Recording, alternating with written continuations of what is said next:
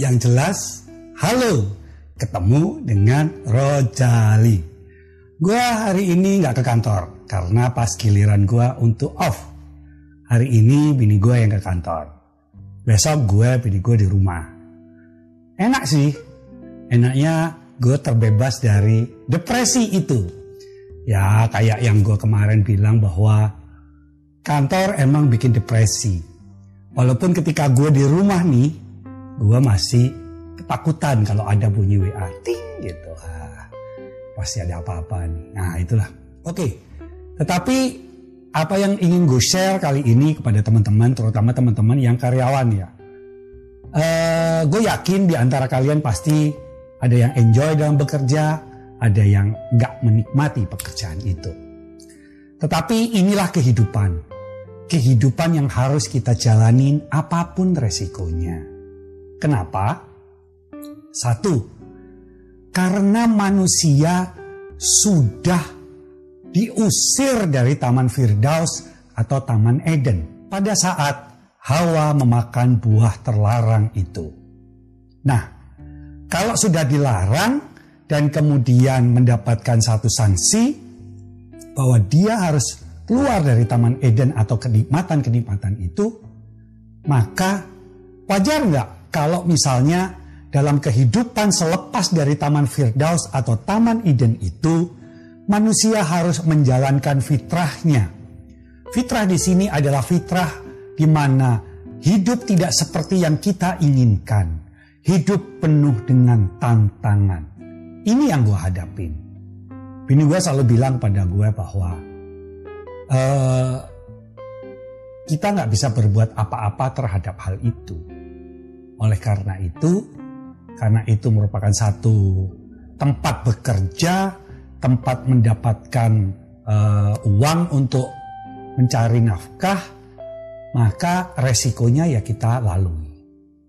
Nah, yang ingin gue garis bawahi adalah bini gue selalu bilang ketika gue depresi, bini gue bilang,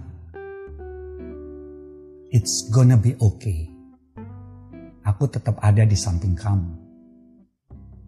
Dan itu yang membuat gue merasa seperempat ikhlas. seperempat ikhlas, bukan setengah ikhlas ya. Tetapi kayak ada penguatan gitu pada uh, perjalanan kehidupan gue. Nah, dari sini kelihatan bahwa bahwa cinta memang akan membawa kekuatan yang positif. Kalau cinta akan membawa kita dalam kehidupan yang negatif, maka gue pikir itu bukan cinta. Pasti ini adalah sebuah kepedulian akan ego kita, di mana ego akan selalu kelaparan. Setiap kita kasih makan, maka ego itu agak tenang. Tapi begitu dia atau si ego ini kurang mendapatkan makanan berupa perhatian, berupa pendahuluan, maka tentu saja akan ada pemberontakan-pemberontakan yang mengakibatkan stres atau depresi itu. Nah, yang kedua, uh, oke, okay, gue nggak ngomong depresi lagi ya. Gue sendiri muak, gue tiba-tiba ntar gue depresi gue. Tetapi gue ingin berbicara mengenai satu hal yang kemarin gue denger gitu ya. Dalam obrolan-obrolan gue, ada satu kalimat yang dilontarkan oleh seorang sahabat yang mengatakan bahwa sekolah yang pertama pada manusia adalah ibunya. Madarasah pertama yaitu adalah sang ibu. Nah, Bersyukurlah gue punya ibu, bersyukurlah teman-teman yang masih mempunyai ibu dan dibesarkan oleh ibunya dari kecil. Memang tidak akan selalu seperti itu ya. Akan ada pengecualian-pengecualian eh, pengecualian-pengecualian atau anomali mengenai hal itu. Tetapi ketika gue bertanya mengapa si A jadi koruptor, mengapa ini suka membohongi orang, Mengapa ini suka menyelingkuhi pasangannya? Mengapa harus berselingkuh?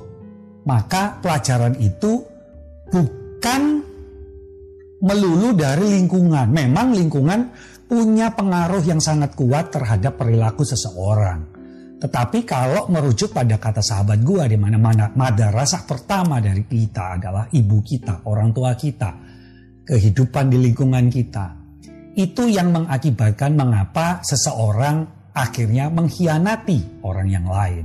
Artinya ada yang salah secara turun temurun. Jadi bukan hanya lingkungan ya, tapi demikian. Sebaik-baiknya anak itu misalnya teman kampus lo atau misalnya teman kantor lo orangnya baik, santun dan sebagainya, rajin beribadah. Tapi kalau dia masih menyelingkuhi kalian, kalau membohongi kalian, ini berarti sekolah pertamanya kurang menetapkan dasar-dasar yang tepat bagi dirinya dalam pembentukan karakter seseorang. Berbicara masalah karakter, maka memang karakter itu dipengaruhi oleh emosi dasar Emosi dasar ini dibawa dari empat usia kehamilan empat bulan sampai pada usia akil balik, di mana pada akil balik secara fisik kita sudah dikunci oleh Tuhan bahwa pengembangan emosi itu sudah cukup sampai situ dan tidak akan berubah sampai akhirnya si orang itu mati. Yang berkembang adalah akhlak, budi pekerti, pengetahuan, moral, dan sebagainya. Tetapi karakter itu dibawa dari kandungan 4 bulan pertama. Jadi apabila kalian eh, pengantin baru yang baru hamil usianya mungkin ya satu bulan dua bulan sampai empat atau empat bulan lima bulan dan sebagainya ada baiknya kalian terus mengintrospeksi apa yang sedang kalian sekolahkan yang sedang kalian ajarkan pada anak kalian oke sampai di sini dulu ada pertanyaan, caci maki, gugatan, fitnah, gibah mungkin? Iya. Oke, Rejali mau terusin.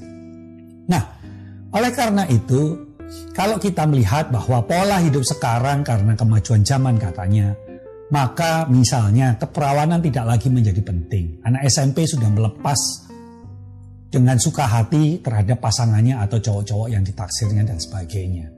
Maka ketika itu terjadi, maka mungkin kita tidak harus menyalahkan si anak itu lagi. Terlepas dari salah dan benar, kalau madarasa pertama adalah ibunya, maka ada sesuatu yang terjadi dalam keluarga itu. Nah, bagaimana kalau misalnya hal itu sudah terjadi? Jangan khawatir. Ketika pola karakter atau emosi dasar itu sudah dibentuk sampai usia akil balik, maka masih ada pendidikan ilmu, pendidikan pengetahuan, pendidikan kemampuan, pendidikan moral, pendidikan akhlak, etika, dan sebagainya. Ini yang akan terjadi. Maka banyak orang menganggap hal ini tidak menjadi penting di luar negeri itu lebih sejahtera dan sebagainya padahal udah nggak perawan semua dan sebagainya dari kecil sudah seks bebas dan sebagainya. Tetapi kita tidak membandingkan kehidupan itu dengan kehidupan di belahan dunia lain, negara lain dan sebagainya.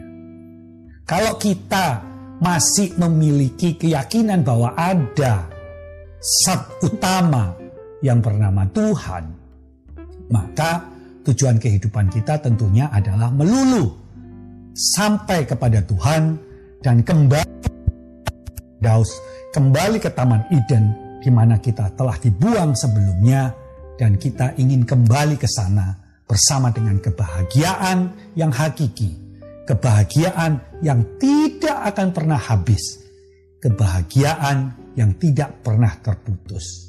Sampai di sini dulu. Salam Rejali.